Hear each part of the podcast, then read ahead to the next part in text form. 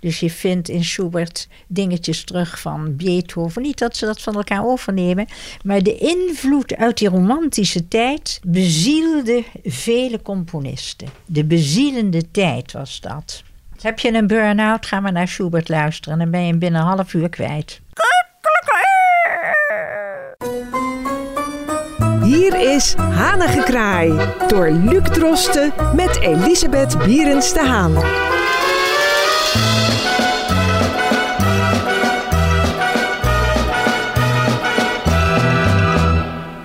We zijn weer terug met een uh, nieuwe serie van Hanige Kraaien. Het liet even op zich wachten, maar vanaf deze week zijn mevrouw Bierens de Haan en ik weer wekelijks te beluisteren.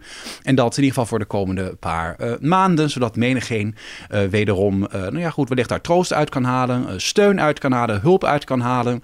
De, nou ja, de postzakken zijn niet aan te slepen, is wat overdreven, maar er zijn ook luisteraars, mevrouw Bierens de Haan, die u af en toe een vraag stellen. Misschien kunnen wij daar binnenkort ook nog eens op ingaan in het programma. Maar vandaag de beloofde aflevering over de romantische componisten. De vorige aflevering ging over Johann Sebastian Bach. En daarmee zaten wij in de 18e eeuw. En vandaag schuiven wij het iets op en verplaatsen wij ons muzikaal naar de romantiek. En u gaat beginnen met het spelen, dat is ook beloofd, van een stukje Schubert. Kunt u kort toelichten waarom u voor een stukje Schubert heeft gekozen? Heel eenvoudig, omdat ik eh, dol. Ik houd enorm van Schubert, Frans Schubert. Een geweldige componist en uh, die raakt mijn hart, laat ik het zo zeggen. Ja. Nou, uh, straks gaan we het daar uitgebreider over hebben, maar nu eerst uh, gaan we genieten van uw, van uw stukje piano.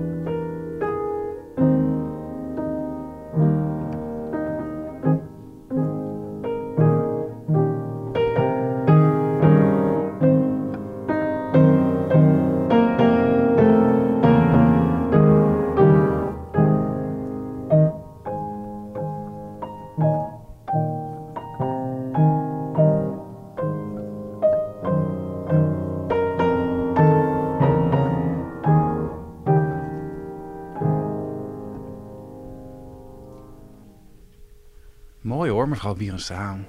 Prachtig. En ook een stukje dat ze, ik denk, heel erg veel mensen ook kennen. En het geeft misschien ook de laagdrempeligheid eigenlijk van klassieke muziek aan. Vindt u dat ehm, klassieke muziek uh, te veel nog in een elitaire hoek wordt gedrukt? Of valt dat wel mee? Nee, daar zijn ze nu mee bezig. Omdat, nee, er wordt zoveel gedaan aan projecten en voor kinderen en alles. Nee, juist niet. Ze halen die drempels weg. Hm. Het is een stukje muziek uit de romantiek. Waarbij je natuurlijk direct denkt aan het gevoelsleven. Welke emoties komen er bij u zelf op als u Schubert speelt of hoort? Uh, emoties van een nachtegaal die heerlijk voor mij zingt in een mooie lindeboom. Dat roept het op. Ik verwacht uh, gewoon een antwoord zoals uh, verliefdheid of nee, warmte. Nee, of, het zingen van een nachtegaal. In een lindeboom. Het gezang van die vogel. Dus die muziek is een geleider naar de natuur, naar het goddelijke. En geldt dat voor ieder Schubert-stuk of geldt dat voor dit stuk in het bijzonder? Wel. Ja, de meeste stukken wel. Ja. En uh, we gaan het ook nog kort hebben over een paar andere componisten. Ik Kunt ben u... nu bezig met een fantasie van Schubert. Ja. En dat is niet te spelen zo moeilijk, maar we proberen het toch. Het is Quatre maar het is het mooiste stuk van Schubert wat ik ken. Het is echt het mooiste, het meest intense, uh, ongelooflijk prachtig stuk. Dat wil zeggen, dit stuk is totaal vanuit die goddelijke wereld gemaakt. En al uh, moeten we struggelen om het goed te gaan spelen, want het is, daar doe je jaren over. Maar wil je het goed horen, dan eh, zijn de, de Jusse jongens, Lucas en Arthur, die spelen het ongelooflijk mooi. En dat is, dat is nou Frans Schubert. Ja. Uh, kunt u nog een andere uh, componist uit de romantiek noemen die uw hart gestolen heeft? Eh, Schumann, Robert Schumann, uh, Frédéric Chopin. Uh, ja, dat zijn allemaal componisten. Beethoven, laten we Beethoven niet vergeten. een ongelooflijke, uh, bezielde man, verbonden met de natuur. Ehm, ook, ja, bijzonder. En kunt u kort uitleggen wat die componisten van elkaar onderscheiden? Wat, wat ieder uh, sterke punt is, een kracht is? Nou, dat onderscheiden. Uh, ze komen uit dezelfde tijd. En ik zou zeggen, ze hebben zelfs ze hebben raakvlakken. Ik onderscheid ze niet, maar ze hebben raakvlakken. Dus je vindt in Schubert uh, ja, dingetjes terug van Beethoven. Je vindt in Beethoven niet dat ze dat van elkaar overnemen. Maar de invloed uit die tijd, uit die romantische tijd, bezielde vele componisten. De bezielende tijd was dat. Ja. Is het een tijd die helemaal verdwenen is in de 21ste eeuw? Is het eigenlijk een tijd waar mensen uh, met weemoed, ondanks het feit dat ze het zelf nooit hebben meegemaakt, misschien naar terug verlangen? Een verleden dat er nooit was? Uh, dat denk ik wel.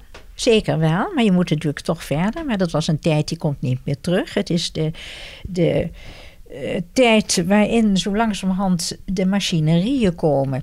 En nu vandaag leven we in de tijd van de robot en van de digitale wereld. Is een totaal andere wereld. Nou, aan de andere dus kant. Dat kan je niet vergelijken. Dat, Nee. is een- dat zijn twee verschillende dingen. Maar- moet je ook niet Nee. vergelijken. Nou, in de, tijdens de romantiek had je de industriële revolutie, de opkomst van de stoommachines, Klopt, de klopt, treinen, de fabrieken. klopt. Nu hebben we de digitale revolutie. Ik zie daarin wel een parallel. Er zit een parallel in, maar eh, we schieten nu door. Hè? Het, het kan zich tegen ons werken. En in de romantische tijd en de tijd daarvoor, 18e eeuw, eh, is het nog de ontdekking van alles. En nu zijn we zo bijzonder ver. We kunnen de zon al van dichtbij bekijken. Het is ongelooflijk. Maar het gaat, hoe gelukkig is de mens? Daar gaat, is een belangrijke vraag. Is die mens gelukkig nu met alles wat nog boven zijn hoofd hangt? En dat vraag ik me af. Het geluk is een veilig gevoel. Voelen we ons nog veilig? En eh, in elke tijd zijn natuurlijk oorlogen en nare dingen, maar voelen wij ons nu eh, elke dag als we opstaan dat we zeggen van hé, hey, nee, we denken van wat zou er gaan gebeuren? Er zal er weer iets gebeurd zijn. En door die wereld van televisie en van connecties all over the world ehm, is de mens zwaarder belast. En bij deze muziek merk je een onbelast gevoel. Een warm, romantisch, onbelast gevoel. Een Zou u- zekere vrijheid van gevoel. Dus kan ik daaruit destilleren dat u ehm, het luisteren naar klassieke muziek bijvoorbeeld ook als tip kan geven aan mensen die met veel stress kampen of tegen een burn-out Oh, hangen prachtig. bijvoorbeeld? Heb je een burn-out, ga maar naar Schubert luisteren. Dan ben je hem binnen een half uur kwijt. Nou, dat is eh, dat, dat biedt hoop. Ja, dat biedt hoop. Wat eh, ook eh, hoop biedt is dat wij nog even in de culturele sferen blijven. Want mevrouw Bierenst aan, u heeft net een boek uit. En volgende week staat de Boekenweek weer op stapel. En gaan wij het dus over uw meest recente boek hebben. En kunt u al heel kort een tipje van de sluier oplichten waar dat over gaat? Dat is een eerbetoon aan mijn grootvader.